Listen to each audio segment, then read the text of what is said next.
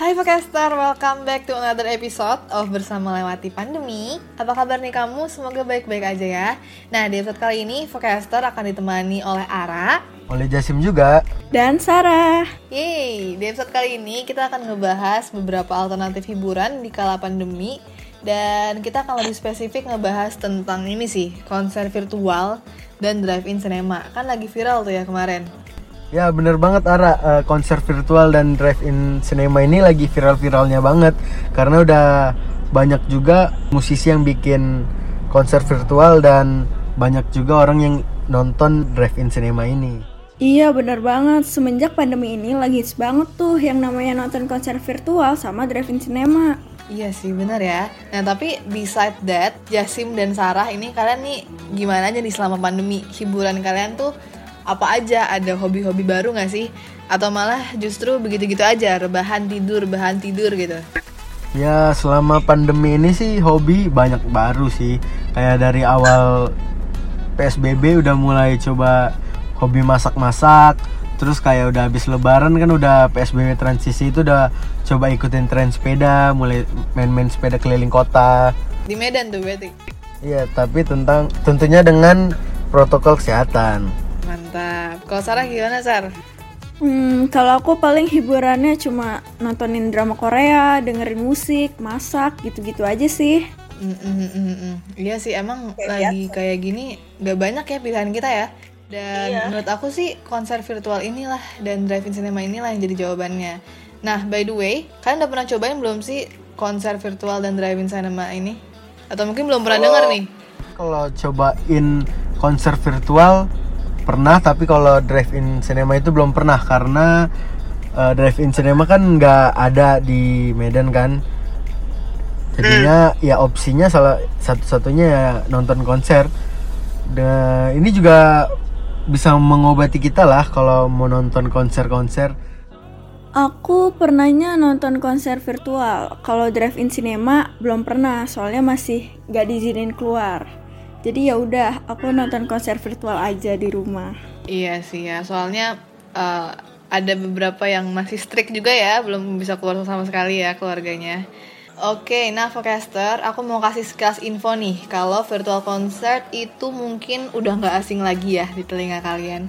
Kayak kemarin tuh contohnya ada We The Fest 2020 Ada virtual concertnya Narin Amiza Bahkan Mas Kunto Aji pun bikin juga tuh virtual concert yang cukup unik karena judulnya adalah mantra-mantra keroncong. Jadi judul albumnya itu kan mantra-mantra, dibikin jadi keroncong semua. Nah itu unik banget ya sih? Iya itu unik banget sih. Uh, terutama kan artis sekarang musisi udah harus bisa beradaptasi dengan pandemi ini kan. Luar negeri ataupun di dalam negeri harus bisa fighting against corona ini. Nah kalau kemarin sih aku nonton uh, With The Fest yang Ara bicarain tadi dan itu memang mereka mengemasnya dengan benar-benar uh, bagus sih. Mereka tetap live tapi uh, live perform di panggung gitu tapi tetap di live lewat kanal YouTube. Dan kemarin baru minggu lalu uh, aku nonton uh, pensi malahan. Kayak sekarang sekolah-sekolah udah juga beralih buat konser virtual. Pensi mereka itu di secara virtual gini kayak tetap menggunakan gestar tetap pakai konsep yang mereka bikin. Nah itu juga tetap live uh, live-nya dari panggung gitu. Kayak bener-bener udah konser asli lah. Bedanya cuman kita lihatnya di layar laptop atau di layar HP doang. Bahkan anak SMA pun sekarang udah bisa beradaptasi ya? Iya sekarang memang udah harus berputar otak lah. Sekarang corona ini Iya bener banget Jasim Terus grup K-pop juga banyak tuh yang ngadain konser virtual kayak BTS, Super M, Super Junior, NCT, IU. Kalau aku sendiri sih pernah nonton yang BTS dan menurut aku tetap seru parah. Bener-bener ngobatin rasa rindu dan ngebangkitin semangat banget. Apalagi kan muka kita nih juga ditampilin dalam layar yang ada di dalam panggungnya. Jadi membernya juga bisa lihat muka kita. Kita juga bisa interaksi sama penggemar yang lain. Jadi bener-bener puas banget lah nontonnya. Ibaratnya kayak video call berarti ya Sarah? Iya bener, enak banget nih seru pokoknya. Keren ya, jadi ternyata virtual concert ini justru dengan adanya embel-embel virtual ini jadi makin banyak ya hal-hal yang berbeda dari konser konvensional gitu ya.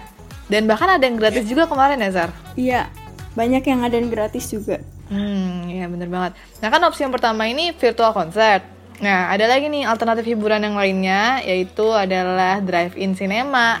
Yang bahasa Depoknya layar tancap gitu kan, tapi versi lebih kerennya karena nontonnya dalam mobil gitu kan.